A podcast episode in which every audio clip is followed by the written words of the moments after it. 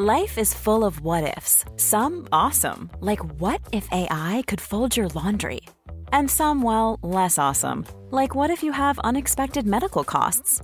United Healthcare can help get you covered with Health Protector Guard fixed indemnity insurance plans. They supplement your primary plan to help you manage out of pocket costs. No deductibles, no enrollment periods, and especially no more what ifs. Visit uh1.com to find the Health Protector Guard plan for you. Hiring for your small business? If you're not looking for professionals on LinkedIn, you're looking in the wrong place. That's like looking for your car keys in a fish tank.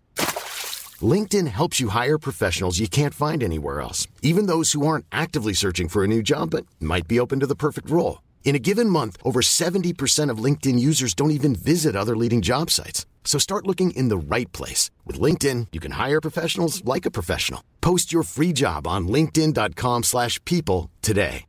This is Paige, the co-host of Giggly Squad, and I want to tell you about a company that I've been loving, Olive and June. Olive and June gives you everything that you need for a salon quality manicure in one box. And if you break it down, it really comes out to $2 a manicure, which is absolutely insane. It's also so easy to get salon worthy nails at home with Olive and June. The difference between how your nails used to look when you did them yourself and now with the Manny system is a complete game changer. The best thing about Olive and June too is it's a quick dry. Dries in about 1 minute, lasts for 5 days and full coverage in up to 1 to 2 coats. Visit oliveandjune.com slash perfectmani20 for 20% off your first system. That's oliveandjune.com slash perfectmani20 for 20% off your first system system.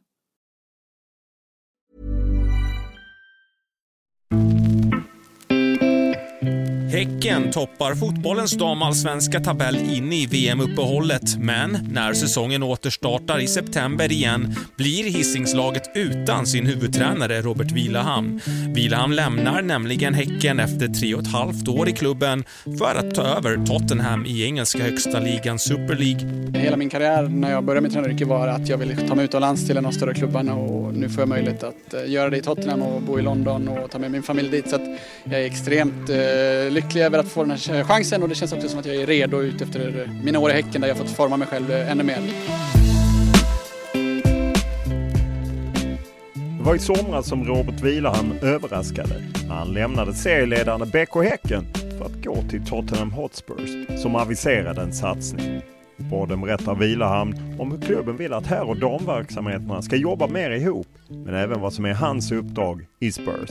Mitt krav är egentligen att bygga en identitet som matchar eh, Tottenhams eh, identitet och att den sen föder framgångar med Champions League och eh, ligatitlar, men över tid. Så att det finns inget krav på mig första året att vi ska komma till Champions League eller vinna, utan det, finns, det enda kravet är att vi ska omvandla det dåliga året med bygga en mycket tydligare identitet där du ser att vi spelar Tottenham-fotboll. Vi pratar om resurserna och draget till Women's Super League, men även om Tottenhams värvningsstrategi samt det troliga att Vilahamn redan i vinter återvänder till Sverige för att hitta förstärkningar.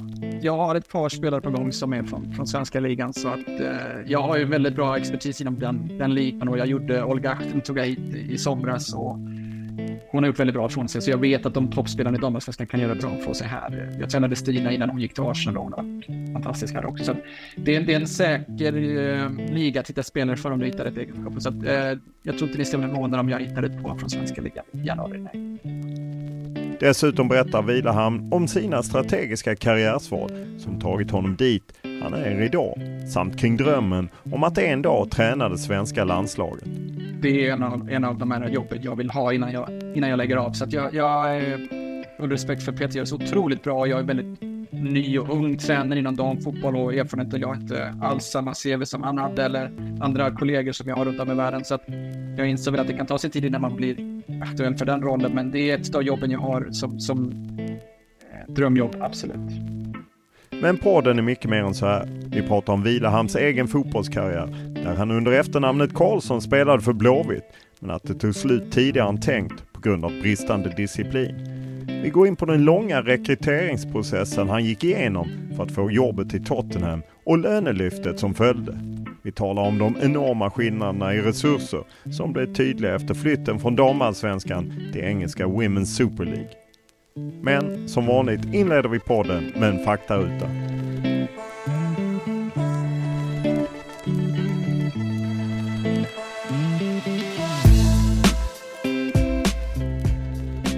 Ålder? 40 år. Bo? Eh, norra London. Ska flytta ner till Barnes i södra London efter nyår. Familj? Fru Sofie och två barn som är 13 år, Caspian och Alvina. Utbildning? Eh, jag är utbildad gymnasielärare. Lön? Eh, bra mycket mer än vad jag hade i Sverige. Vad kör du? Eh, jag körde en Polestar i Sverige och nu kör jag en Audi. Vad läser du? Självbiografier skulle jag säga. Vad tittar du på? Feel good-serier. Vad lyssnar du på? Lugn musik som får mig avslappnad. Vad spelar du på? Eh, jag spelar inte. Vem var din favoritspelare när du var ung? Eh, Robbie Fowler var min första favoritspelare. Vilket är ditt favoritlag och varför? Tottenham Hotspur. Eh, jag har väl insett att jag behöver hålla mig till det här yrket och det laget jag jobbar för. Så att jag, jag byter lag när jag byter jobb. Vem är för dig tidernas bästa fotbollsspelare? Lionel Messi. Du har ju både varit spelare och nu tränare. Vad klassar du som det finaste du vunnit i fotbollsvärlden? Eh, jag har inte vunnit så mycket på elitnivå faktiskt. Jag har kommit mycket tvåa och förlorat Svenska cupen och kommit tvåa i Allsvenskan. Så att jag väntar väl fortfarande på den där riktiga vinsten. Men Hisingsmästerskapen med Ytterby en gång i tiden var en, en, en fin skarp. Vad klassar du som den största upplevelse du haft i fotbollssammanhang? Eh, när jag var yngre så lyckades vi rädda en säsong med IFK Göteborg när vi vann kvalet mot Västra Frölunda. Så det var, det, det var starkt minne då. Eh, min första match i Champions League med Häcken mot Benfica borta och vinst där är väl det, det färskaste minnet som, som var starkt för mig. Eh, har du bytt till dig någon tröja eller något annat du samlat på dig som du uppskattar eh, när du tittar tillbaka? Eh, inte direkt, men jag minns att min bror bytte till sig 80 tröja när han spelade i Göteborg, så den bytte jag till med min bror sen, men jag har själv inte bytt. Din bror, för de som inte vet, är då Fredrik Risp, även tidigare Karlsson som ju du också hette. Korrekt. Vilken regel hade du velat ändra på i fotboll? Eh, jag kanske skulle vilja inte införa VAR utan behålla det som det var. Om du vill eh, lyxa till det en dag, vad unnar du dig då? Då går vi ut på en fin restaurang med familjen och äter exakt det vi vill på menyn. Vad var du bäst på i skolan om vi tar bort idrott och hälsa? Eh, matematik var mitt eh, bästa ämne. I vilka tillfällen ljuger du? När jag kan förfina något som inte sårar den personen jag ljuger för. Vilket köp ångrar du? Eh, köper väldigt lite saker så att det, det finns inget som jag behöver ångra där. När var du riktigt lycklig senast? Eh, förra veckan så hade vi en, en mysig löptur, jag och min dotter, där vi pratade lite om, om livet och flytten. Det var, det var ett fint, fint stund.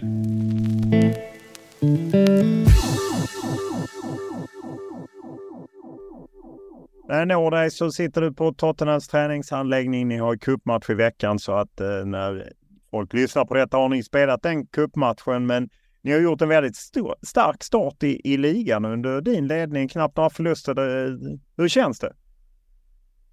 Men det känns bra. Det, det, känns som att vi, vi ligger väl liksom över eh, vad det förväntades av den här truppen och mig i början, resultatmässigt. Och även spelmässigt så ligger vi ganska bra till vad statistiken säger och, och vad media tycker att vi, vilken typ av fotboll vi spelar. Så att rent krasst så, så flyter allt på väldigt bra och, och, och det har varit en, en skön start. Eh, vad har du liksom för krav på dig när du nu, du tog över i somras och på något sätt ska, eh, ja väl, rycka upp Tottenhams eh, damlag. Vad, vad är de uttalade kraven? Eh, det finns väl en, ett huvudkrav på mig och, och även Ernst i, i herrlaget och det är att, att ta tillbaka Tottenhams stil där man spelar på ett sätt som man ska helst vinna absolut, men det viktigaste är faktiskt att vi spelar för supporterna. En, en anfallsglad fotboll med hög press och ett mod som, som innebär att supporterna är lyckliga av att se oss och, och, i längden ska vi vinna på det sättet. Så mitt, mitt krav är egentligen att bygga en identitet som matchar Tottenhams eh, identitet och att den sen föder framgångar med Champions League och eh, ligatitlar. Men över tid. Så att det finns inget krav på mig första året att vi ska komma till Champions League eller vinna, utan det, finns, det enda kravet är att vi ska omvandla det dåliga året med att bygga en mycket tydligare identitet där du ser att vi spelar Tottenham-fotboll. Eh, jag som är äldre än vad du är minns ju Tottenham med Glenn Hoddle, Chris Waddle, Paul Gascoigne och liknande och på något sätt en, en klubb som ofta då spelade en fin fotboll men kanske inte vann jättemycket. Vad var din bild av Tottenham när, du, när de säger till dig och Angie då som har tagit över härlaget? Men vad var din bild av vad, vad Tottenham är för något? Jag tror det var mina första intervjuer med dem så fick jag presentera hur jag spelar och vad jag står för. Och, och då visste jag inte riktigt vad, vad Tottenham står för. Mer att jag kommer också ihåg den tiden när de aldrig vann, men att de var, de gjorde mycket mål och det var härliga spelare liksom. Eh, och sen efter mina första intervjuer när jag presenterade hur jag ville så, så var det väl de väldigt noga med att det du pratar om är ungefär det som, som Tottenham stod för en gång i tiden och eh, det är därför du är på de här slutrekryteringarna. Så att det blev en, en, en del möten med deras eh, akademiansvarig som ansvarig för Game Model och det blev lite den biten för att förstå vad det verkligen är. Och sen så innebar det att det var väldigt likt det jag vill, så då, då behövde jag inte anpassa mig utan jag behövde bara förstå att, att det jag vill göra är det de vill och då, då kan jag gå all in utan att fråga sig om hur vi ska göra och, och det är det jag gör nu och, och det funkar bra. Var kommer din grund ifrån att eh, som tränare att du står för något som de kunde identifiera sig med och att det passade bra med vad det, de vill att det ska ske med klubben? Jag tror min, min resa har blivit lite intressant hur jag har utvecklat mig. Jag, jag började som spelare i IFK Göteborg och, och lärde mig tydligt 4-4-2 och ett ganska inte så attraktivt fotbollsspel, men ett tydligt försvarsspel och en tydlig pressspel. Och sen har jag varit lite olika lägre divisioner och sen hamnar jag i Häcken som kanske är motsatsen med att spela en väldigt anfallsglad fotboll med att kanske vinna med 5-3 eller till och med spela 4-4 istället för att vinna. Så när man väl slår ihop allt det jag varit med om så har väl jag hamnat mitt emellan att jag vill ha ett bra försvarsspel, ett bra pressspel och göra mycket mål. Och när det sen blev så i Häckens damlag i år så tror jag att eh, då tror jag många attraherades av att vi vann och spelade en, en possession-fotboll med en del snabba anfall också. Och jag tror jag har växt fram i att det är så jag vill göra. Så att jag inspireras av många tränare, men det är egentligen min egen resa som har fört mig till till det sättet vi spelar och jag försöker inte härma någon annan utan det, det är väldigt mycket bygger på från första dagen på plan till sista dagen på plan för mig. Så att, eh, och det matchar Tottenham just nu och jag tror det var därför jag ville flytta med familjen just till Tottenham för att de ville ha just det.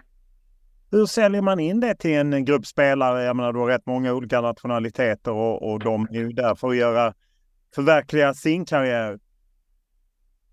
Ja, jag tror min, min bakgrund som lärare och, och, och följa en kursplan och bygga upp en kursplan och den biten gör att jag har en, en modell som är väldigt pedagogisk skulle jag säga och, och utifrån den förklara vad som vad innebär det för varje att göra det här och sen applicera det på plan, visa klipp, eh, ha diskussioner. Ha, alltså så hur jag bakar in det i en, i en, variant som gör att det blir väldigt tydligt för dem eh, tror jag är en stor del. Och sen mitt ledarskap i att våga ge dem frihet, kanske sånt som jag saknar som spelare och våga, våga lita på människor. Eh, och sen kanske ta det som blir bra utav de nya situationerna och ta in det i mitt ledarskap jag tror det matchar och spelarna köper det för de känner att de är med, med på resan och inte bara ska följa det jag säger utan de får vara med och påverka. Eh, hittills har det funkat väldigt bra. Vad för exempel eh, tar du för intryck av spelare och kanske skruvar på någonting? Ja, men det handlar väldigt mycket om vad du har för X-faktor på din position. Så att även om jag spelar 4, 2, 3, 1 så har jag då en, en väldigt bra vänsterfotad spelare som vi kan gå tillbaka i tiden när jag var i Kviding med Patrik Wålemark så då gjorde, jag, då gjorde jag han till högerytter och komma in i banan för att jag såg en, en ytterback som hette Fredrik Martinsson som, som liksom numera spelar Utsikten, att det skulle bli en bra, bra twist på det och då, byggde det vidare på dem och sen nu så har jag en högerfotad ytter här som jag måste jobba med på ett annat sätt för att jag har inte den typen av spelare. Så då måste jag anpassa mig ut efter de spelarna jag har och så bygger man på nya relationer i det, men allt lagras så när jag väl kommer till ditt trupp och identifierar spelarna jag har så kan jag liksom applicera det på vad som matchar deras X-faktor och då då tror jag helt enkelt att de inte behöver bli låsta utan jag skapar någon typ av kreativitet i det som, som är viktigt. Eh, ni förlorade mot Chelsea som ju leder Women's Super League eh, än så länge. Sen har ni kanske haft lite lättare motstånd. Eh, hur ser du på de senaste kryssen där ni kanske borde vunnit? Eh, jag tror att i och med att vi började så starkt, en bra match mot Chelsea och sen vann vi ett par matcher, bland annat Aston Villa borta som var en ganska tuff match, eh, så kanske man förväntade sig att ja, ja, vi är redan där, att vi ska slåss om, om Champions League-platserna. Och så gick vi in i de här hemmamatcherna mot Everton och Liverpool och sen Leicester senast med att de här ska vi bara vinna mot. Men man glömmer lätt bort att de var högre än oss i tabellen förra året med eh, samma tränare och samma trupp. Så jag tycker ändå att vi har sett bra ut i de här matcherna. Vi har skapat mer målchanser, vi har haft mer possession. Vi, om du frågar mig, borde ha vunnit två av de här tre i alla fall. Och, och hade vi gjort det så hade vi legat tvåa just nu. Och, och jag tror bara så här att det, det är konstaterande att vi är inte där än, utan vi, vi är precis där vi ska vara, vilket är kanske bra. Och jag tror nu ska vi möta topplagen och då får vi se, är vi redo att, att utmana dem eller kommer vi förlora de här tre matcherna innan jul? Och då, då vet jag det. Så jag, jag, tror hela första halvåret handlar om att lära mig den här ligan, alla lagen och mina spelare. Så jag, jag, är inte så stressad över att vi inte vann de här tre matcherna. För det ser bra ut när vi spelar fotboll och hur vi agerar och då, då är jag ganska lugn. Ja, precis. Du är själv inne på det. Ni har först Manchester City, sen Manchester United, sen har ni en dubbel mot Arsenal, eh, en i kuppen eh, och en eh, i då ligan som ju ni spelar dessutom på Tottenham Stadium eller Tottenham Hotspur Stadium.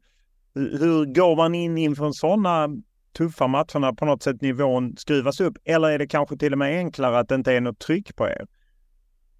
Jag tror det. Jag tror att nu kommer vi in i tre matcher där vi har allt att vinna. Eh, slår man ut de här tre matcherna i ligan mot de här tre lagen och vi lyckas ta fyra till sex poäng så är det väldigt bra gjort resultatmässigt. Eh, Skulle vi ta nio poäng så är det helt fantastiskt. Skulle vi ta tre poäng så är det nog ändå helt okej okay med tanke på vad vi är. Skulle vi förlora alla tre så är det väl mer bara ett konstaterande att vi inte kommit så långt som vi vill än och då får man börja jobba med det.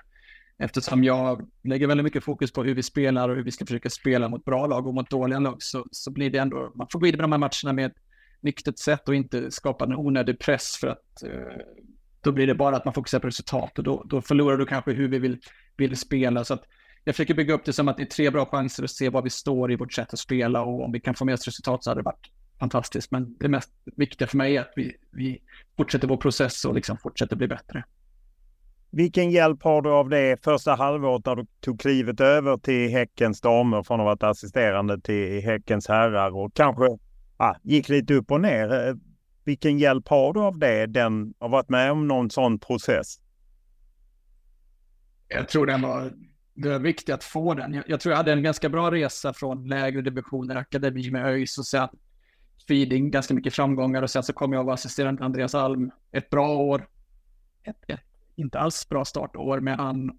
Där sen Mattias kom in och jag fick jobba några månader med Ann också för att se hur man kan jobba som en väldigt erfaren ledare i ett krisläge inom fotboll kan man väl kalla det. Eh, och sen när jag då gick in i damfotbollen och, och insåg ganska snabbt att det, det krävs mycket, eh, det är en förändring man gör både vid nya spelare och nya, nya typer av färdigheter man har och fysik man har och den biten och nya motståndare. Så att jag behövde ett halvår tror jag och learning by doing där och det, det, det är jag glad för att jag hade, men det var tufft då. Eh, å andra sidan så lärde jag mig mycket som gjorde sen att jag hittade en ny väg som jag nådde ganska bra framgång med med Häckens dam som, som gör att när jag kom hit så så går jag inte på samma mina igen, utan jag, jag har en, en, bra erfarenhet av de här grejerna. Sen tror jag att jag kommer gå på fler minor här och, och vad det innebär och då, då får jag ta det då. Men, men just nu så rider jag på den vågen som jag lärde mig första halvåret och den, den har fört mig hit idag i alla fall.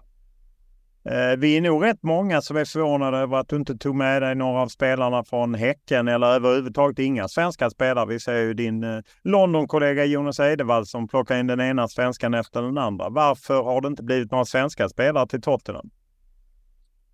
Eh, det är för att jag jobbade väldigt hårt i, Häcken med att ha långa kontrakt med mina spelare för att man inte skulle rycka dem utomlands. Så jag jobbade för Häcken som att jag skulle vara i Häcken länge. Eh, så vi skrev väldigt långa kontrakt med i stort sett alla spelare som har rätt åldersgrupp eller rätt kvaliteter. Så sen när jag då kanske lite tidigare än förväntat gick utomlands så, så har jag gjort mina försök att köpa spelare från Häcken. Men eh, i och med att de sitter med kontrakt och, och presterar bra och trivs bra så har inte jag lyckats genomföra någon transfer än. En. Eh, januari nästa eller? Eh, häcken sitter fortfarande väldigt bra med kontrakt på sina spelare spelare och kan egentligen välja övergångssummor den biten. Så att, vem vet, jag, jag, jag har ett par spelare på gång som är från, från svenska ligan så att eh, jag har ju väldigt bra expertis inom den, den ligan och jag gjorde Olga Achten tog jag hit i, i somras och hon har gjort väldigt bra från sig så jag vet att de toppspelarna i damallsvenskan kan göra bra för sig här. Jag tränade Stina innan hon gick till Arsenal och hon har varit fantastisk här också. Så det, är, det är en säker eh, liga att hitta spelare för om du hittar ett egenskap. Så att, eh, jag tror inte ni ska vara förvånade om jag hittar ett par från svenska ligan i januari. Nej. Eh, Daniel Levi som eh, leder eh, Tottenham. Ja, men på här sidan får de ändå shoppa lite. Vilka resurser har du när de då liksom har tagit dit dig och du ska skapa eller hjälpa till att bygga Tottenhams identitet? Vad har du för resurser att värva spelare? Det finns en, en, process och det finns en, en budget för en sak och det, det är liksom det vi gör just nu. Men sen finns det en, en budget som är Tottenhams budget om jag får det här att se bra ut, om vi spelar det sättet som de vill, om vi presenterar bra business case kan man säga utifrån de spelarna vi ska värva. Om det finns en, en, en framtid för dem kan man liksom få tillbaka pengar eller till och med investera i dem som sen man kan sälja vidare. Så då finns det, då finns det väldigt bra budget från Tottenham att tillsätta. Så att vi jobbar utifrån, utifrån det och om jag vill ha en bra spelare så presenterar det för styrelsen och då finns det möjlighet att jag får värva den spelaren oavsett vad den spelaren kostar. Eh, men sen vill inte jag bara gå på den dyraste vägen utan Tottenham vill vara en klubb som hittar och findar lite kanske och kan utveckla de spelarna. De vill inte vara de som köper de dyraste spelarna alltid och det anpassar jag mig efter här. Så det, det, det finns pengar, det finns en satsning men vi ska göra den väldigt eh, steg by steg och göra den liksom så att den liksom följer utvecklingen damfotboll skulle jag säga. Eh, det är väl många Tottenham-supportrar, åtminstone på här sidan känner igen sig i den identiteten att man kanske inte lägger ut de största summorna alltid på spelare. Och hur viktigt är just den delen för er att, att utveckla spelare från akademi och, och liknande? Men jag tror du, du måste nog utveckla den för att också kunna fostra dina egna spelare. Ska vi alltid gå och köpa spelare, vilket det kommer bli snart, så kommer det kosta mycket och då kanske det är de som betalar mest som får de bästa spelarna, vilket det kanske är nu i England. De bästa klubbarna är nog de som har högst, absolut högst budget också då. Sen är det väl att man vill få igång damfotbollens ekonomiska flöden. Det var ju därför vi Ecke köpte Rosa Kafaji eller Anna Sandberg, alltså internt i Sverige för att få igång den här rulliansen där man faktiskt tjänar pengar på en bra uppfostran av sina spelare. Eh, så jag försöker ju föra det här vidare till Tottenham att vi ska köpa spelare från Sverige. Så det gäller väl att klubbarna i Sverige också lär sig, men alltså också accepterar att, att sälja vidare för att kunna återinvestera de pengarna. Så att vi behöver ha vår egen akademi som fostrar spelare, men vi behöver också investera pengar i andra ligor så att få in pengar i deras ligor så att de kan fostra ännu bättre spelare där också. Så det kommer komma, men det, det är fortfarande en bit kvar där.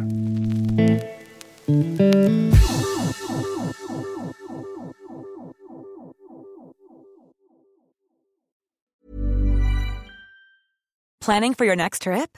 Elevate your travel style with Quince. Quince has all the jet setting essentials you'll want for your next getaway, like European linen, premium luggage options, buttery soft Italian leather bags, and so much more. And is all priced at 50 to 80% less than similar brands. Plus, Quince only works with factories that use safe and ethical manufacturing practices. Pack your bags with high-quality essentials you'll be wearing for vacations to come with Quince. Go to quince.com/pack for free shipping and 365-day returns. Quality sleep is essential. That's why the Sleep Number Smart Bed is designed for your ever-evolving sleep needs. Need a bed that's firmer or softer on either side? Helps you sleep at a comfortable temperature? Sleep Number Smart Beds let you individualize your comfort so you sleep better together. JD Power ranks Sleep Number number 1 in customer satisfaction with mattresses purchased in-store. And now, save 50% on the Sleep Number limited edition Smart Bed for a limited time. For JD Power 2023 award information, visit jdpower.com/awards. Only at a Sleep Number store or sleepnumber.com. I'm Sandra, and I'm just the professional your small business was looking for, but you didn't hire me because you didn't use LinkedIn Jobs. LinkedIn has professionals you can't find anywhere else, including those who aren't actively looking for a new job but might be open to the perfect role, like me. In a given month, over 70% of LinkedIn users don't visit other leading job sites. So if you're not looking on LinkedIn, you'll miss out on great candidates like Sandra. Start hiring professionals like a professional. Post your free job on linkedin.com/people today.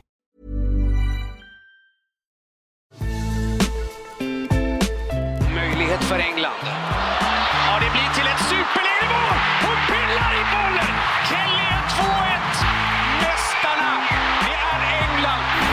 The Lionesses' epic and historic summer is already uh, being demonstrated in the return of the WSL this coming weekend because this is coming out of Arsenal, and that is that they are set to break the Women's Super League attendance record when they host Tottenham at the Emirates uh, on Saturday. Hur är draget kring Women's Super League? Vi har ju sett hur det har vuxit lite utifrån och jag menar England vann EM-guld och sen tog de VM-silver och... Men hur är det att vara inne i, i systemet? Känner man av att det är ett drag? Ja, men det gör man. Det, det, det blir ett mycket större apparat. Det blir presskonferens varje fredag inför helgens match och då är det 8 till 12 journalister som är där och faktiskt frågar frågor. Det är medialt mycket mer människor runt på plats. Det är större arenor oftast. Eh, de flesta lagen försöker att flytta fler och fler matcher till de här arenorna. Och när de väl gör det på stormatcherna så blir det väldigt mycket folk. Eh, och sen å andra sidan så är det en del matcher som blir väldigt låg kvalitet när man spelar på vissa arenor med eh, 1500 åskådare och eh, de inte lägger lika mycket resurser på vissa. Så den är fortfarande inte där den skulle kunna vara, men den är mycket högre nivå på än i, i damallsvenskan till exempel. Och lagen har mycket högre eh, nivå i spelarmaterial och ledarmaterial runt omkring. Organisationen är mycket högre. Så det är en stort, stort steg och, och man märker att Tottenham är en gigantisk klubb utifrån att man är, är part, alltså man är med i hela världens eh, community på något sätt. Det, det är folk från hela världen som vill ha intervjuer och, och podcast och sådär. Eh, ni spelar vanligtvis på Brisbane Road eh, och eh, några matcher eh, på Tottenhams stora arena. Hur, hur tycker du den utväxlingen funkar? Hade Tottenham kunnat göra mer eller är det lagom? Vi har en tydlig plan där att vi, vi, vi vill öka på dosen matcher på huvudadrenan, men vi vill göra det på ett sätt som gör att det blir bra upplevelser. Så skulle vi flyttat alla matcher då så, vi, så vet vi inte om det skulle bli så mycket folk på varje match och då kanske det blir en dålig upplevelse. Och det vi gör nu är att vi hypar verkligen matchen mot Arsenal här innan jul och hoppas att det ska bli en publikfest och, och, och den biten. Och sen under våren så kommer det komma till ett par matcher, kanske tre matcher. För att år två bygga vidare på det och, och branda oss så att vi, så att vi liksom i slutet spelar alla matcherna där. Eh, men det är väldigt mycket business case och hur man ska bygga ett varumärke mot kanske nya supportrar och även herrsupportrar, om man ska kalla det så. Och eh, jag tror att vi, vi försöker tänka långsiktigt här och, och, det finns en väldigt tydlig plan hur vi ska göra det. Så att jag är ganska trygg med att vi undan för undan kommer spela fler och fler matcher på Tottenham Hotspur Stadium. Hur mycket är du involverad i sådana samtal och diskussioner och strategier? Ganska mycket ändå. Det, det känns som att jag kommer in med väldigt mycket kunskap om damfotboll och Häcken, hur vi faktiskt har försökt gå ganska långt med jämställdhet och öka på den då. Så jag kommer från en av de ledande i Skandinavien kring det och jag tror de har inte så bra erfarenhet av det inom Tottenham. Så jag får säga till mycket, ganska mycket och de sen har väldigt kompetent personal utifrån det som de sen bearbetar med det och sen gentemot det så kommer de tillbaka till mig hur, hur det funkar i England och sådär. Så, så eh, det är ganska mycket mer att vara manager än att vara fotbollstränare skulle jag säga. Så det, det är väldigt lite planera fotbollsträningar och driva dem på, plan. Det är väldigt mycket mer hela apparaten när man är huvudtränare för Tottenham. Hur är förutsättningarna att driva träning och verksamhet kring ett lag i Women's Super League jämfört med att det, hur det var i Häcken? Eh, jag kommer ihåg när jag var i Häcken så tyckte jag att jag hade ett stort team. Jag tror jag hade åtta personer runt mig som jobbade med fysträningen, sjukgymnastiken, eh, uppvärmningen, träningen och sådär. Jag tror jag har 28 personer runt mig i mitt team som jobbar med olika delar och eh, då inser man ju att det är väldigt svårt att leda 28 personer på en gång, vilket är att England är väldigt mycket mer hierarki. Du har head of performance, du har lead, lead i varje område, du har en, en kitman och en assistant kitman. Så det blir, det blir väldigt mycket mer att jag ska leda de eh, ledande personerna som sen ska leda dem under dem och sen så ska alla liksom bygga upp en, en, en miljö där alla liksom funkar. Så att mitt sätt att leda ett team och en organisation är den största skillnaden från när jag var i Häcken. I Häcken var jag mycket mer åt plan och faktiskt drev själva träningen. Så, så att det, är en, det är en stor omvandling och det är väldigt mycket mer som att driva ett företag skulle jag säga. Eh, hur eh, väl rustad är du för det?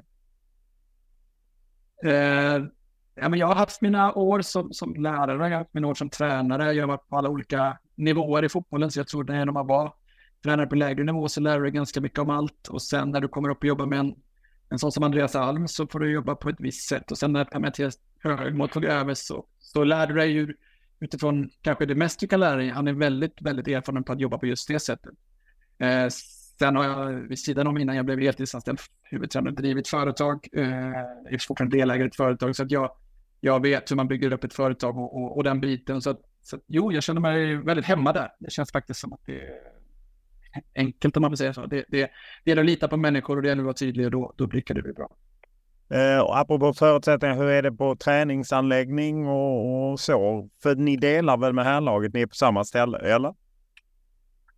Vi delar utifrån att vi är på samma anläggning. Sen är det ju en del vi är på. Vi har liksom kommit dit för några år sedan och de har liksom eh, fixat en plan och en jättefin lokal och vi har tillgång till allt vi behöver för att vara väldigt professionella och den står sig nog högre än de flesta lagen runt om i Europa. Men herrsektionen med deras akademi är en gigantisk anläggning med, hotellkomplex och allting. Och det vi håller på med nu är att se över hur vi ska kunna faktiskt replikera den och bygga en helt ny för hela damsektionen. Så just nu står vi oss väldigt bra, men den är fortfarande inte jämställd med vad herrarna har, eh, vilket är egentligen omöjligt att ha just nu för att den är superduper stor. Men än en gång, vi har ett jättefint gym, vi har eh, två dietister, vi har egna kockar, vi har eh, vi har allt vi behöver för att vara väldigt professionella och ge spelarna bra utvecklingsmöjligheter. Så det finns inget att klaga på där mer än att man vet att om några år så kanske vi har ännu bättre då. Eh, man har ju sett lite med dig med här eh, lagets manager Ange Poste Chuglu som ju anställdes också i, i somras. De bytte ju tränare både på herr och dam. Och ibland pratar man ju om det här One Club. Eh, hur, hur, mycket är det One Club? Hur, mycket, hur nära känner du Ange och, och så? Eh, om man jämför med Häcken så är vi inte där Häcken var, där jag och Per-Mattias hade egentligen veckomöten och där vi satt dörr i dörr med våra, eh, våra team liksom. Men å andra sidan så har det inte varit någon alls connection mellan dem och här innan i Tottenham. Så det som hänt i år är att vi har, vi har olika event där vi är på tillsammans, vi har olika poddar där vi är med tillsammans, vi har mötts i olika forum och sådär. Så att det finns ju en, en, en, eh, ett samarbete och sen finns det ju även en, en tydlig interaktion mellan fystränarna på herr och dam, mellan Eh, Kitmans Kitmans mellan och dam. Så vi har liksom ett samarbete där vi försöker göra One Club. Men den har egentligen bara påbörjats och jag ser väl väldigt mycket som behöver göras där. Men jag vet också om att Sverige är väldigt långt fram i jämställdhetsfrågor och England är inte där än. Så man måste också förstå att det kommer ta lite tid så man inte eh, gör det för fort så att det blir fel helt enkelt. Utan det finns en ambition och det finns en vilja. Ernst är väldigt, väldigt bra människa och ödmjuk för det och visar full respekt för det. Så att jag hade väl mer om att liksom undan för undan se till så att det blir för snabbt steg så att det påverkar hans prestation eller min prestation. Men det finns absolut ett jättebra start för samarbete. Eh, just att eh, Häcken har gått dit och att man går dit. Vad ser du som det stora plusset med att man kan bli One Club med, för alla lag? Alltså det finns ju en, en, en effekt av en, en, ett samhälle där du integrerar olika kulturer, olika, eh, eller båda könen. Det, på något sätt så blir ju miljön mycket bättre än om du bara har en typ av människor i en område. Eh, om man sedan då jämför med det som hände i Häcken så var ju det, jag var ju med på här sidan först innan vi tog över eh, Kopparberg Göteborgs FC och det finns ju en viss machokultur inom, inom herrfotboll ibland som, som kanske skojar om damfotboll och, och jag växte upp i, i, en sån miljö och sen har ju det liksom försvunnit mer och mer tack vare att produkten damfotboll blivit bättre och bättre, men också att folk faktiskt har börjat se damfotboll och förstå att det är otroliga atleter som håller på där. Det man såg i Häcken när det liksom var första året innan man tog över till när damerna kom in till tredje året när jag tog över damlaget så, så fick det ju en synergieffekt där, där man gick från kanske den här machokulturen till en, en ny fas där man kanske inte riktigt visste hur man skulle hantera det till att sen herrarna vann. Vi inspirerades av att de vann och att vi ville dit och spelarna började prata i gymmet, började socialisera och prata fotboll i gymmet till att när jag lämnade så var det vi som ledde och, och herrarna som ville vara bäst. Så att när du bygger den kulturen i en, i en miljö som är liksom respektfull mot herr och dam och att det är fotboll vi håller på med så, så tror jag det är nyckeln och jag tror du ser det i Hammarby också nu att, att det, finns ett, det finns något väldigt fint med att man gör det och det är så ett samhälle ska se ut. Så jag är väldigt glad över att man gör det och jag, jag skulle ha svårt att jobba i den här verksamheten om man inte stod för det. Det var en av mina viktigaste frågor mot Daniel Levy och Scott Mann och Tottenham att, att de vill göra det på riktigt för annars hade jag inte flyttat. Nej, och jag menar du som varit med då i, i den eh, kanske en del av eh, den negativa sidan med man och ja, där man kanske då inte där man ser ner på damfotboll på det sättet. Hur, eh, hur bryter man bäst sådana barriärer som finns? Jag började redan i skolan när jag var lärare utbilda barnen i hur man, hur man pratar i idrottshallen med tjejrack eller om det inte heter tjejrack faktiskt i brännboll eller att man inte eh, spelar som en kärring. Alltså, det börjar ju någonstans i att fostra människor att det, det tar bort det där eh, löjliga som kanske är ett skämt men som ändå på något sätt påverkar. Eh, och sen handlar det väl också om att ha en förståelse för att det är skillnad på herrar och killar, eh, eller tjejer och, och killar utifrån eh, muskulatur och kapacitet. Så du ska inte hålla på och, och jämföra allting på det sättet. Kollar man i skolans värld så är generaliserar man och kollar betyg så är tjejerna högre betyg i alla ämnen utom idrott. Och då kan man ju fråga sig varför är det då? Om kollar du närmare så är det ju så att idrotten är väldigt mycket förknippad med bollsporter. Och bollsporter har du en fördel om du är fysisk eller större eller starkare. Så det är klart att det finns en större chans för män, pojkar, och unga pojkar att, att prestera i idrotten om du bara har de sporterna. Så att om du börjar där så kan du förstå att du kan göra ganska mycket i skolans värld. Och sen om du sen börjar kolla på damfotboll nu mot 20 år tillbaka så har de äntligen chans att vara elitidrottare. De har äntligen tid att träna fulltid, få bra kost, få bra utbildningar, vilket gör att produkten damfotboll blir så mycket bättre. Så det de skojade om för 20 år sedan, att det var så långsam fotboll eller att de inte var atletiska, det finns ju inte idag. Så nu handlar det mer om att få de här människorna som fortsätter att skoja och raljera över det, att, att faktiskt kolla lite damfotboll eller bara sluta med att hålla på och håna. För att den produkten du ser i, i Women's Super League idag är, det är, det är atleter som är otroligt bra, som hanterar bollen på en otrolig nivå och taktisk förståelse. Så, så det blir nästan lite så här, det gäller att utbilda en hel... Ja, det är väldigt många människor som behöver lära sig det här och det tar tid, men börja i skolan, eh, börja med att fortsätta utveckla damfotboll och få mer medialt, mer lön så att de kan bli ännu bättre, så, så kommer det till slut bli bra. Men eh, det är en lång bit kvar. Eh, I Sverige har det ju dykt upp i, i kölvattnet av de här dubbelklubbarna, Hammarby som ju haft väldigt succé med publik och kommer på andra ställen. Just ska man ha samma publik som herrarna eller ska man locka en ny publik? Och, ja, där man har sett kanske det som man då förknippar med lite negativt på herrsidan eh, på läktarhåll. Vad, vad är din bild där innan ni jobbar i Tottenham? Vad, vill ni att de som följer Tottenhams herrar också ska komma och se damerna eller tänker ni eh, att försöka hitta en ny publik? jag tror man vill ha, såklart man vill öka på supportrarna oavsett om det är, alltså man vill ha fler supportrar oavsett. Och när man vill fylla arenorna så vill man fylla den med både och. Kan man söka nya personer som kommer in och kollar så är det jättebra. Men det som kanske är lite problem ibland inom herrfotbollen är att den är, det är väldigt mycket män som är supportrar och går i, i fanskulturen. Eh, och de bygger upp ett typ av forum som kanske ibland går över gränsen. De har fantastiska tifon, de har fantastisk inramning, fantastisk miljö. Och sen ibland så går de över gränsen. Män i grupp har en tendens ibland att, att inte veta var gränsen går och så blir det bråk eller så blir det skadegörelse, den biten. Det är klart att om man önskar så skulle man vilja få bort det både från herr och damfotboll. Och skulle jag önska så skulle jag vilja få dit den inramningen till damfotboll också. Så jag, jag skulle inte säga att jag vill ha bara ny, men jag skulle vilja att, att alla människor kommer och att man bringar in den här härliga atmosfären som är i Sverige till exempel just nu, men att man tar bort det där äh, förstör, eh, då, då, så vill vi göra. Och sen så tror jag att vi marknadsför oss jättemycket mot herrarna. Jag var på Chelsea, Tottenham och fick, blev intervjuad på plan innan matchen och i halvtid och den biten. Och vi kommer göra fler sådana event. Så vi söker ju här, är supporten om man nu ska kalla det så. Men också alla de här barnfamiljerna och flickorna som kommer och kollar tycker jag är fantastiskt. Så de vill jag ju ska komma och kolla på herrlaget också. Eh, och i England funkar det väldigt bra för kulturen är, eh, i alla fall hos Tottenham, är fantastisk att gå på match. Och vissa matcher i Sverige ibland kanske man inte vill ta med sina barn då. Så att det går väl att göra olika där. Eh, du har ju som sagt en svensk kollega i, i London, Jonas Eidevall.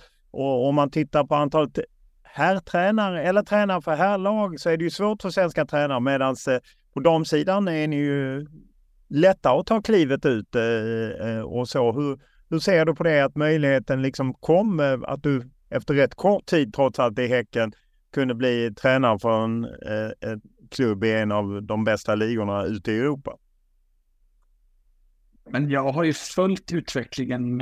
Jag har inte följt så mycket damfotboll innan jag tog över Häckens damlag, men jag har ju följt utvecklingen och jag har ju själv haft en egen målsättning med att komma utomlands innan mitt, mina tränarkarriär och, och när man inser vad, vad herrfotbollen står för hur svårt det är att komma utomlands och hur kortvarig man blir så, så var ju det en del i mitt val att gå över till damfotboll. Att jag såg att, att jag har en chans att komma utomlands. Eh, inte enklare, men att det finns en större potential i, i klubbarna där ute. Så att det fanns en del i det, men sen tycker jag också att det finns en potential i damfotboll i sig att, gör göra det så himla mycket bättre. Här på har nått till en nivå där det är så himla små marginaler för att lyckas. Det är så himla mycket pengar som, som innebär att det ska påverkas på något sätt. Inom damfotboll fortfarande så kan du med tydlighet och, och lite så här street smartness göra en väldigt stor skillnad. Och, och dessutom nu följa med en slags startup där du faktiskt kan hänga med lönemässigt som inte går att jämföra i herrfotboll i Sverige. Så, så du kan ju kalla det lite strategiskt av mig också, men jag tror också att det är en väldigt inspirerande miljö, för att det blir så mycket du kan påverka, det blir så lång resa du kan göra. Så att, eh, sen är jag här, man och det är klart att det just nu är mycket mer män än kvinnor som coachar damfotboll, men jag hoppas verkligen att, att det också ändras, för att det, det är också den där gamla kulturen som gör att, att, att vi behöver bryta den och få upp mer kvinnliga tränare. Ja, vad, hur tror du att man ska göra för att få in fler kvinnliga tränare? För det är uppenbart, jag menar Sverige leds av en eh, man, alltså Sveriges landslag och väldigt många herrtränare överallt.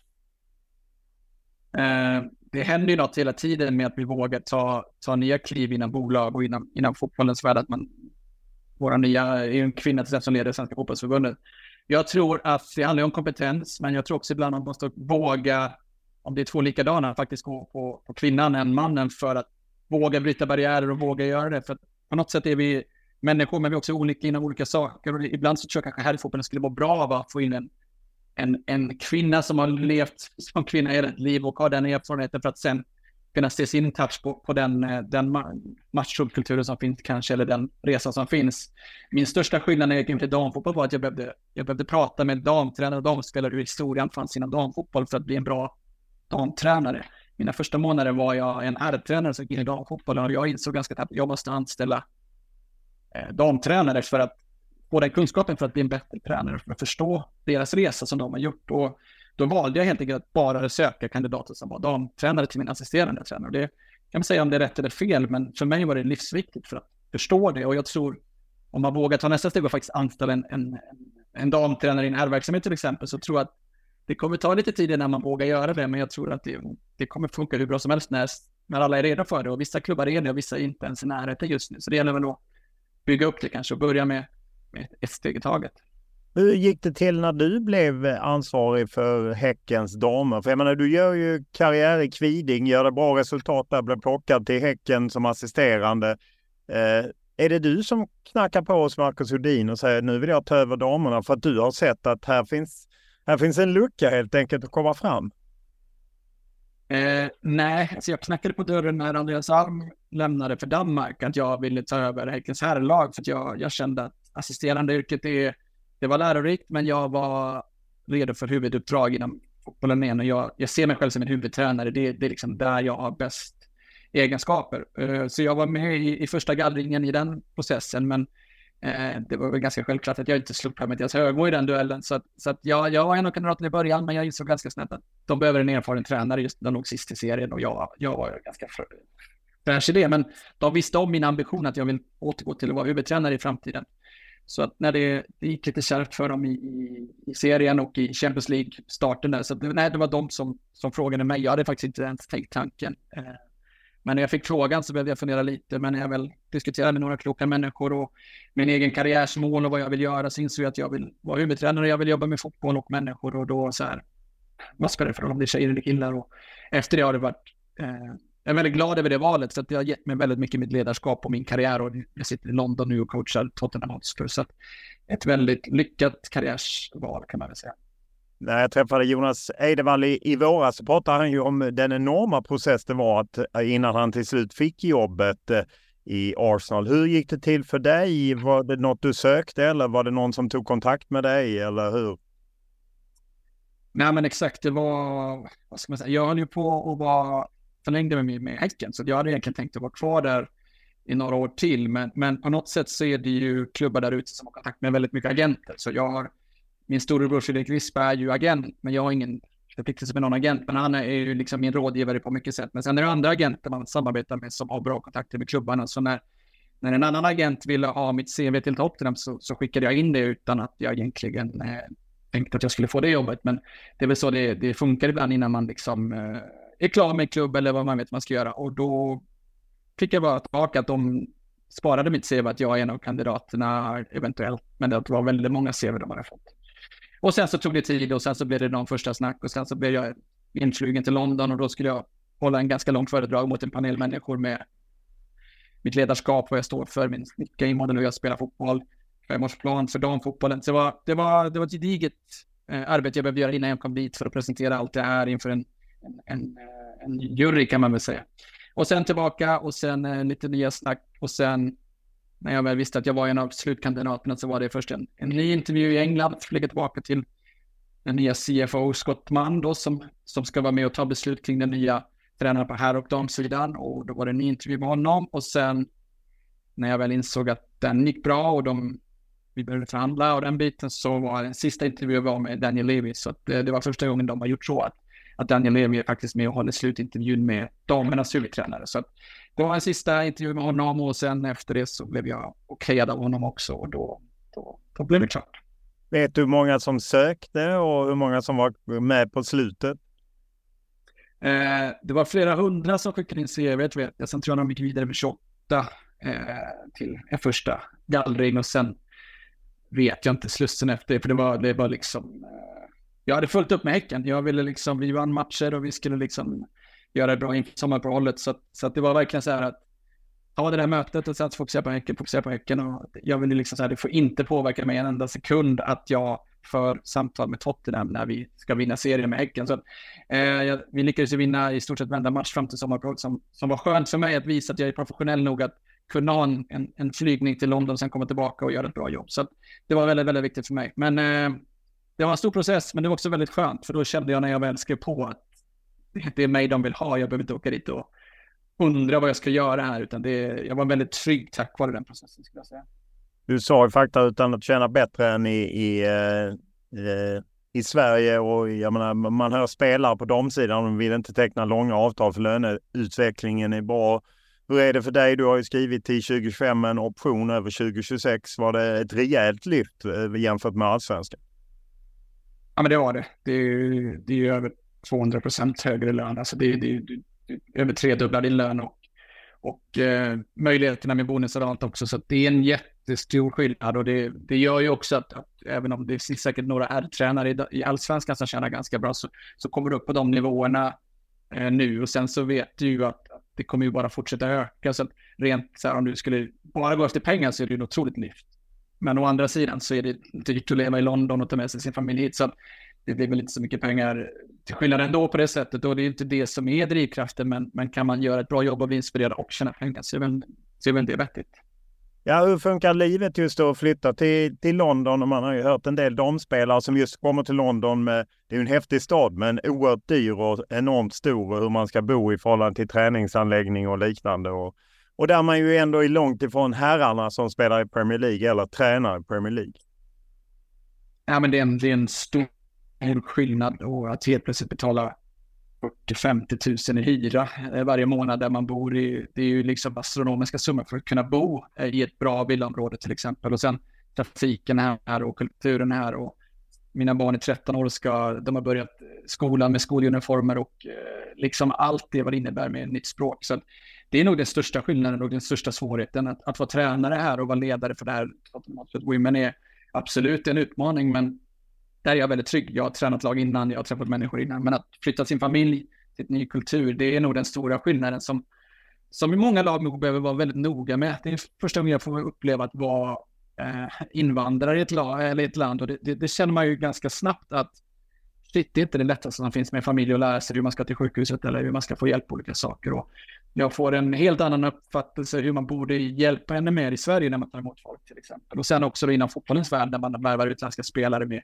språkbarriärer så att man borde vara ännu mer noggrann med att det är inte så lätt som man tror. Eh, å andra sidan är det väldigt stimulerande och det är väldigt utvecklande och, och det är ju det jag älskar med att hela tiden utveckla mig själv, att få det här. Så att det är inte här, varje vecka så gäller det att klura ut hur ska man lösa det här för barnen eller hur ska min fru nu lyckas med, med att faktiskt hitta det där jobbet här istället för hemma i Sverige där hon har en jättebra tjänst liksom. Och, och det, det, det är härligt, men det är nog inte för alla heller, så det kan förstå folk som, som inte rör sig utomlands.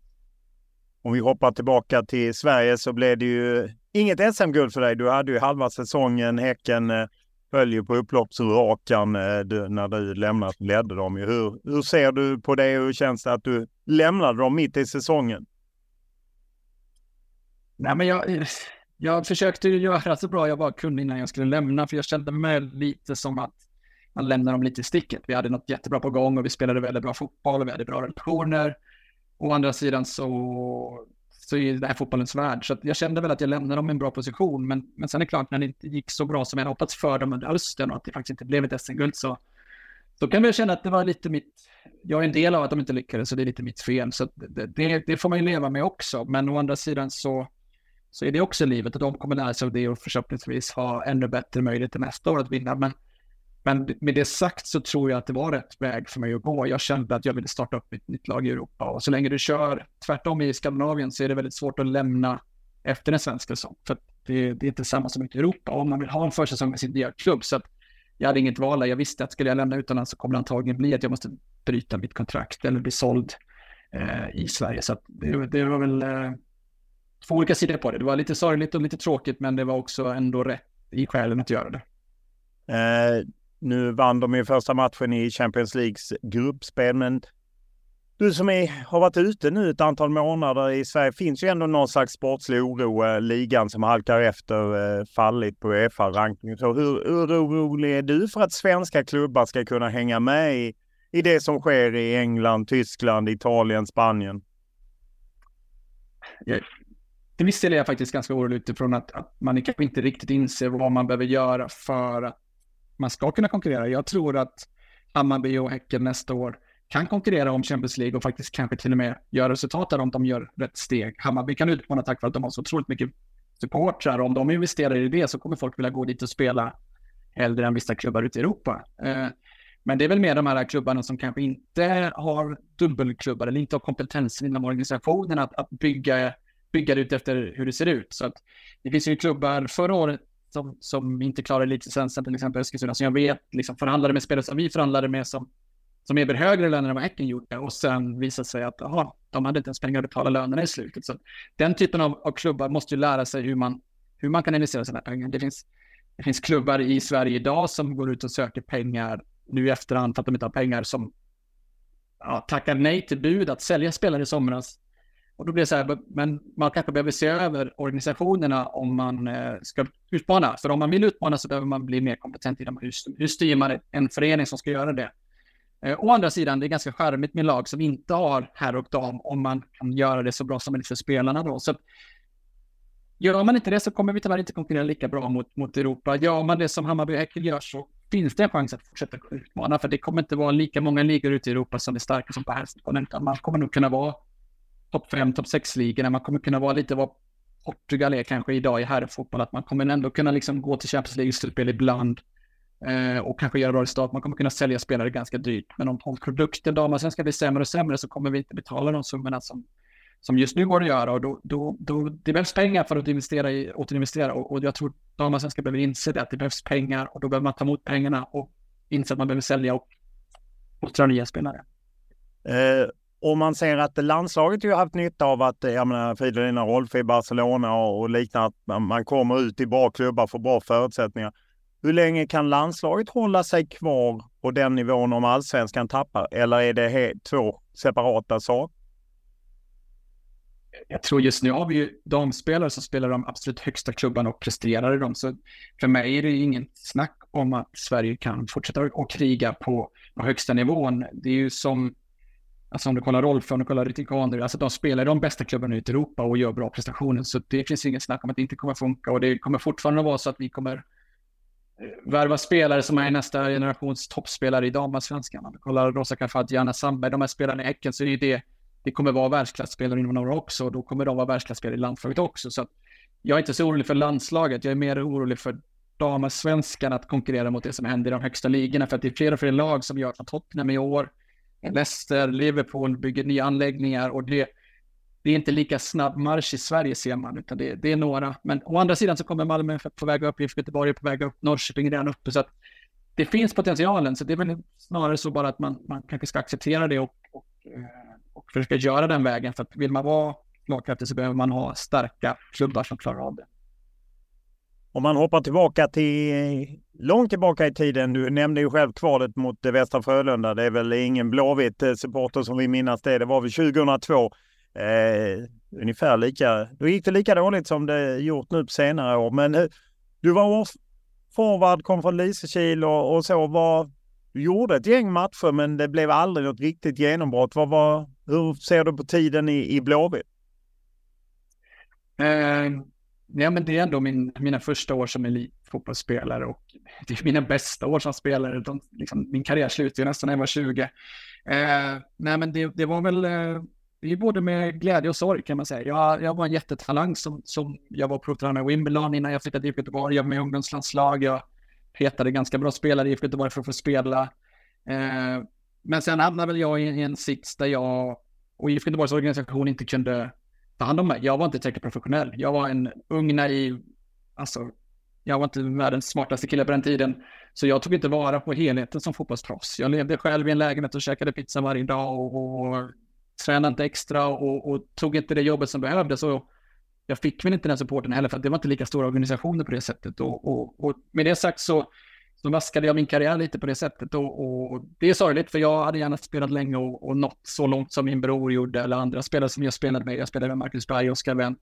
Alla de jag spelade med, som jag var vän med, togs utomlands. Så det var ganska tufft för mig att, att inse att jag hade nog potential att bli lika bra som dem, men jag, jag hamnade liksom i Ytterby division 3 då. Eh, å andra sidan så var jag väl 23 när jag startade och utbildade mig till lärare och tränare och påbörjade en ny satsning, för det var väl då jag insåg och polletten trillar ner i mitt huvud vad, vad som krävs. Och, och, det gör ju att jag är 40 år idag och tränar Tottenham Hotspurs Women och har en fin karriär framför mig förhoppningsvis. Så med det sagt så ångrar jag mig inte på det sättet, utan det medförde att jag blev det jag blev.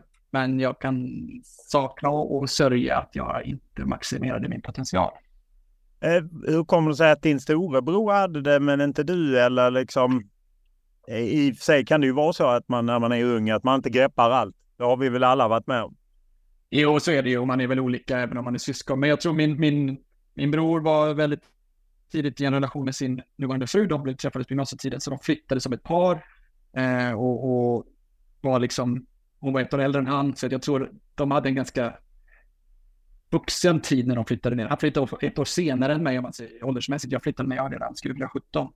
Jag flyttade ner ensam och eh, hamnade i en klass med, med många människor som var sportspelare men de ville ha min lägenhet till att festa. Och jag, jag var väl lite mer kaxig och dryg och min bror var väldigt ambitiös och seriös. Så det är olika personligheter men också kanske olika sidor där han kom med sin partner och jag kom helt själv. Eh, men eh, man lär sig oavsett om man lyckats eller misslyckats. Jag lärde mig väldigt mycket av den tiden, även om jag fick ja, lära mig den, den hårda vägen och, och, och, så. Men det är, än en gång, jag har lärt mig så otroligt mycket som jag kan medföra till mina spelare idag som gör att jag tror att jag är en väldigt bra tränare gentemot de spelarna som, som kommer upp eh, och, och, och, behöver den guidningen, likt Rosa till exempel, eller andra.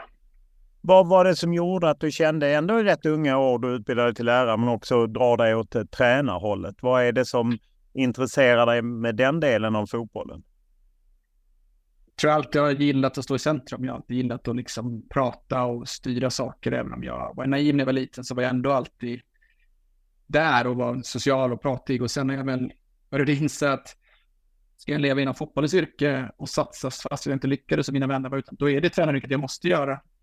Och då insåg jag väl också att om det inte går så måste jag ha ett yrke som jag kan tänka mig göra och, och jag kommer från en familj där ingen är akademiker eller någonting, men jag insåg väl att läraryrket är ett ganska bra yrke utifrån att en, en, ett stabilt jobb där du kan resa mycket, jag gillar att resa och det är ändå en ganska lik del av att vara tränare. Så att jag, jag tog väl ganska tidigt beslut som var väl, det var väl mitt första kloka beslut jag tog när jag var 23, att jag sökte in på lärarhögskolan och eh, blev spelande tränare i Ytterby och tog mina underår liksom och, och lärde mig. Eh, så att det är jag väldigt stolt över idag, att jag lyckades så tidigt ta det beslutet. För att det har hela tiden medfört att varje år har jag hela tiden kunnat ta steg i min tränarkarriär. Och det har hela tiden varit min målbild, alltså från första dagen att jag skulle ta mig utomlands. Så då har jag liksom kunnat vara ganska noggrann i mina val. När jag lämnade Kvidig så kunde jag tagit eh, jag pratade med Gais och kunde tagit dem, men jag, jag tackade nej till Gais och tog Häckens assisterande roll till Antafall för att jag inte riktigt visste vad som förväntade mig i elitidrotten längre. Så att, att skulle jag tagit Gais då så hade jag kanske lyckats, eller så hade jag kanske insett att oh, jag var inte där än. Men att gå in bakom Andreas Alm och se hur Häcken jobbade så gjorde det att jag dels fick jag bekräftelse att jag är tillräckligt kompetent, men också se någon annan jobba inom GPS, datasystem, analys, vilket man inte gör i lägre divisioner. Så det blev som en, en, en, bra steg att andas lite, få lite utbildning under andra för att sen ta nya steg. Så jag är väldigt noga med mina karriärsval och, och, och jag tror det är ganska bra att vara det, man inte eh, hoppar på för tidiga uppdrag till exempel. Eh, du gått då från här till dam. Kan du gå tillbaka till här? Eh, tror du att det kommer luckras upp med tiden?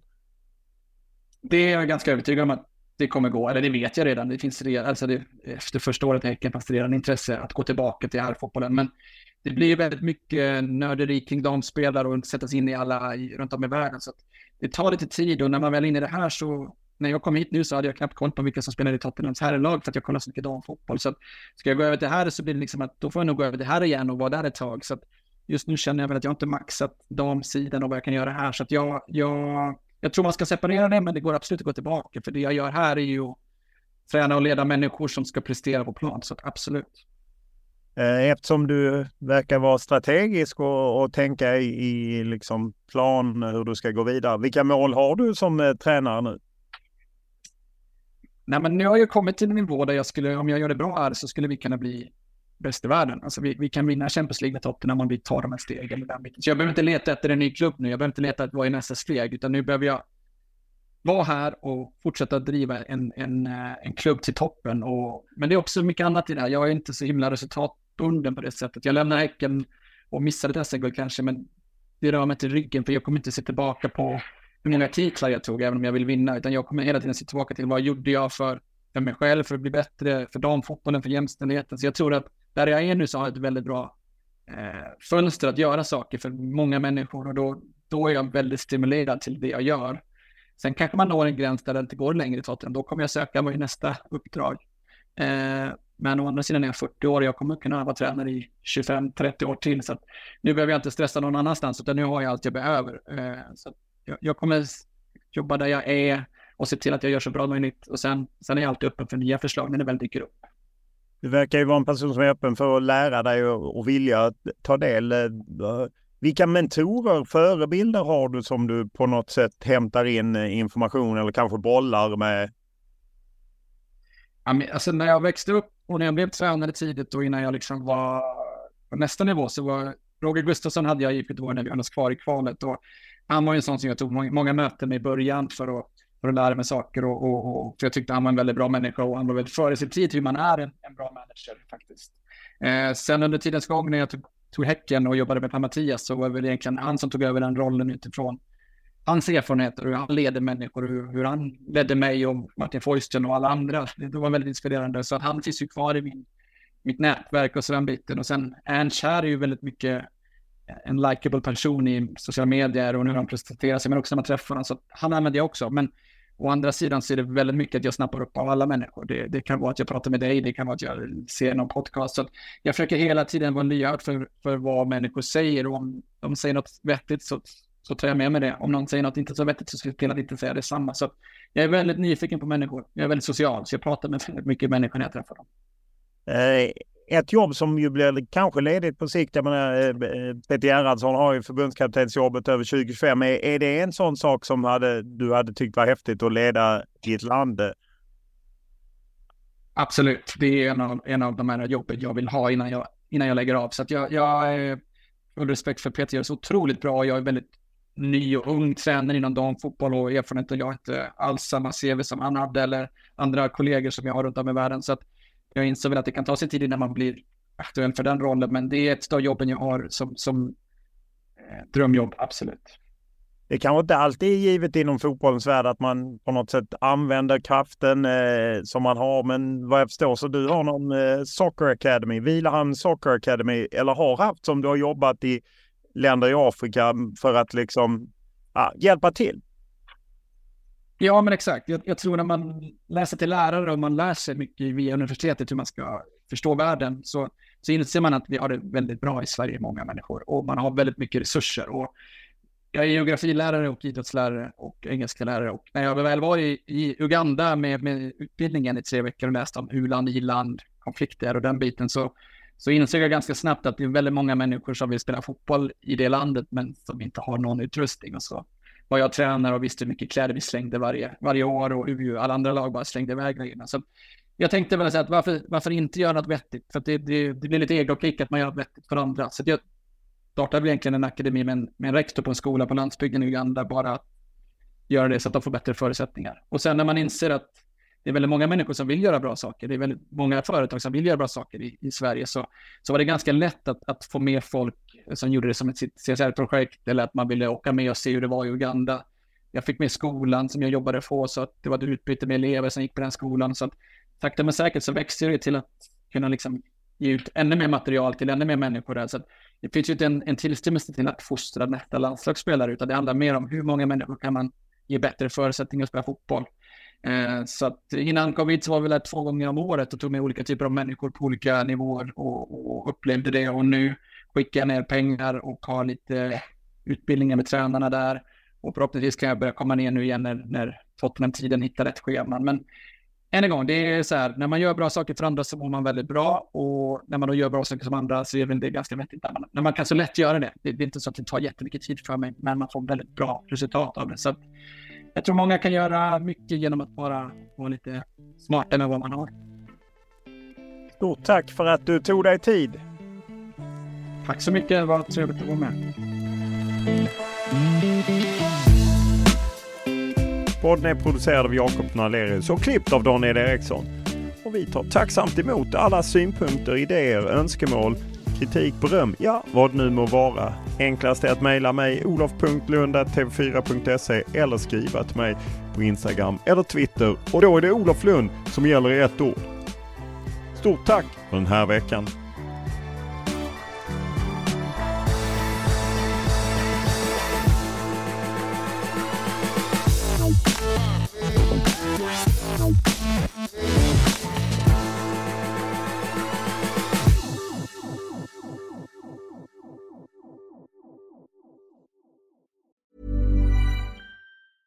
Mom deserves the best, and there's no better place to shop for Mother's Day than Whole Foods Market. They're your destination for unbeatable savings, from premium gifts to show-stopping flowers and irresistible desserts. Start by saving 33% with Prime on all body care and candles. Then get a 15-stem bunch of tulips for just $9.99 each with Prime. Round out Mom's menu with festive rosé, irresistible berry chantilly cake, and more special treats. Come celebrate Mother's Day at Whole Foods Market.